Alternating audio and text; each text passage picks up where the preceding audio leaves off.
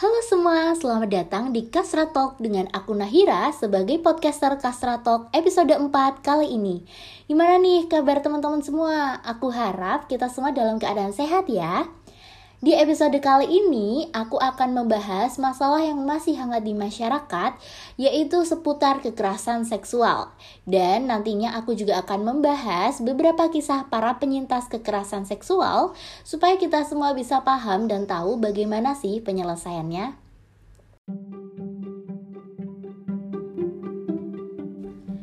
Nah, buat teman-teman yang belum tahu apa itu kekerasan seksual, for your information, kekerasan seksual adalah segala bentuk tindakan seksual lewat sentuhan fisik maupun non-fisik dengan sasaran organ seksual atau seksualitas korban.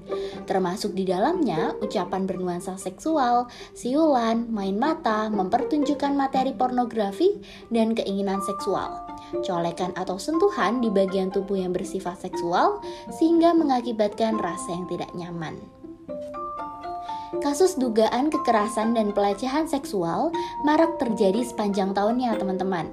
Kasus-kasus itu terjadi di berbagai tempat yang selama ini kita anggap aman, seperti sekolah, perguruan tinggi, hingga pesantren.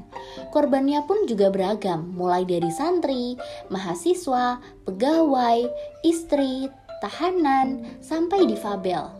Kementerian Pemberdayaan Perempuan dan Perlindungan Anak melaporkan sekiranya ada 797 anak yang menjadi korban kekerasan seksual sepanjang Januari 2022 loh. Wah, banyak banget ya.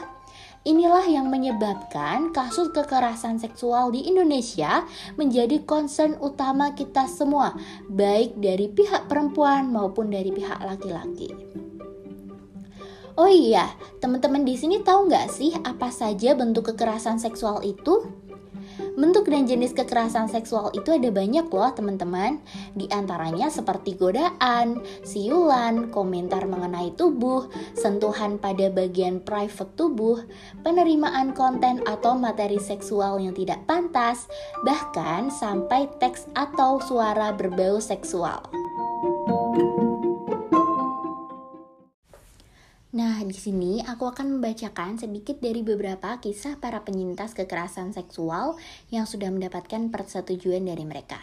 Yang pertama, saya pernah mengalami catcalling pada area publik. Padahal pakaian saya tertutup dan berhijab. Hal tersebut cukup bahkan sangat mengganggu dan meresahkan saya. Karena ketika hendak berpergian ke ruang publik, saya menjadi khawatir apakah pakaian yang saya kenakan akan membuat saya mendapat catcalling kembali. Kemudian hal tersebut membuat saya was-was dan juga overthinking. Karena dengan siulan dan sejenisnya, muncul rasa khawatir akan mendapatkan kekerasan lainnya. Terlebih lagi jika ekspresi atau gestur dari pelaku mencuri mencurigakan dan menakutkan. Betul sekali teman-teman. Catcalling merupakan salah satu bentuk kekerasan seksual yang sangat banyak terjadi di masyarakat ya. Karena banyak dari masyarakat yang tidak tahu jika hal ini termasuk dalam ranah kekerasan seksual. Bahkan pakaian, usia, dan bentuk tubuh tidak lagi menjadi faktor penyebab adanya catcalling ini.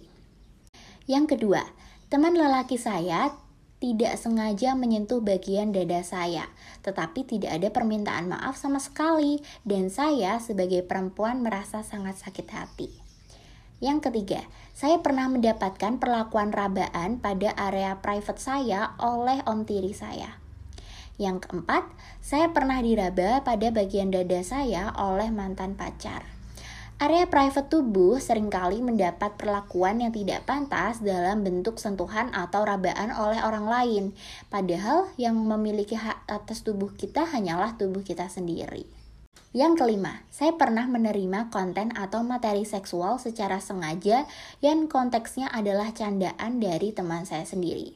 Betul nih juga banyak ya di masyarakat, faktanya masih banyak lingkungan pertemanan kita yang menganggap konten seksual sebagai bahan candaan, khususnya pada laki-laki nih. Apabila ada teman yang melakukan hal ini, jangan segan untuk mengingatkan ya. Yang keenam, saya pernah melihat kejadian kekerasan seksual yang menimpa saudara kandung saya sendiri, yaitu kakak saya. Ketujuh, Saya pernah mengalami kekerasan seksual saat masih kecil, tetapi saya tidak tahu apa yang harus saya lakukan dan baru berani speak up saat saya duduk di SMP. Melihat saudara sendiri menjadi korban kasus kekerasan seksual, pastinya menyayat hati kita sebagai saudara, terlebih saudara kandung. Dan kasus kekerasan seksual banyak terjadi saat kita masih kanak-kanak loh teman-teman, dan baru menyadarinya saat dewasa karena dahulu kita belum tahu kalau hal tersebut masuk dalam bentuk kekerasan seksual. Menanggapi banyaknya kasus kekerasan seksual yang terjadi di sekitar kita, ada banyak sekali cara yang dapat kita lakukan apabila kita mengalami atau melihat kejadian seperti itu. Dengan yang pertama, kita bisa menghentikan tindakan pelecehan seksual yang menimpa korban dengan mengalihkan situasi. Kita dapat membantu mengalihkan perhatian agar pelaku tidak terus-menerus melakukannya dan korban dapat menghindar. Yang kedua, dapat menenangkan korban. Pasti korban yang mengalami kekerasan seksual secara normal akan mengalami shock. Maka dari itu, kita bisa membantu menenangkan korban dengan memberi air minum dan tindakan menenangkan lainnya. Yang ketiga, melaporkan kepada pihak atau lembaga yang bersangkutan. Tahu nggak sih kalau di Universitas Brawijaya itu ada yang namanya ULTKSP atau Unit Layanan Terpadu Kekerasan Seksual dan Perundungan. Ini adalah lembaga yang didirikan untuk membantu teman-teman para penyintas kekerasan seksual dan juga perundungan di ruang lingkup kampus.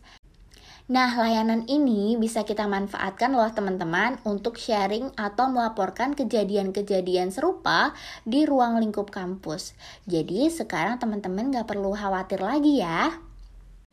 Oke, segitu dulu Kasratok hari ini. Terima kasih sudah mendengarkan. Semoga dengan ini kita bisa lebih aware ya dengan kekerasan seksual dan bisa membantu mengurangi angka kasus kekerasan seksual di lingkungan kita. See you, have a nice day everyone.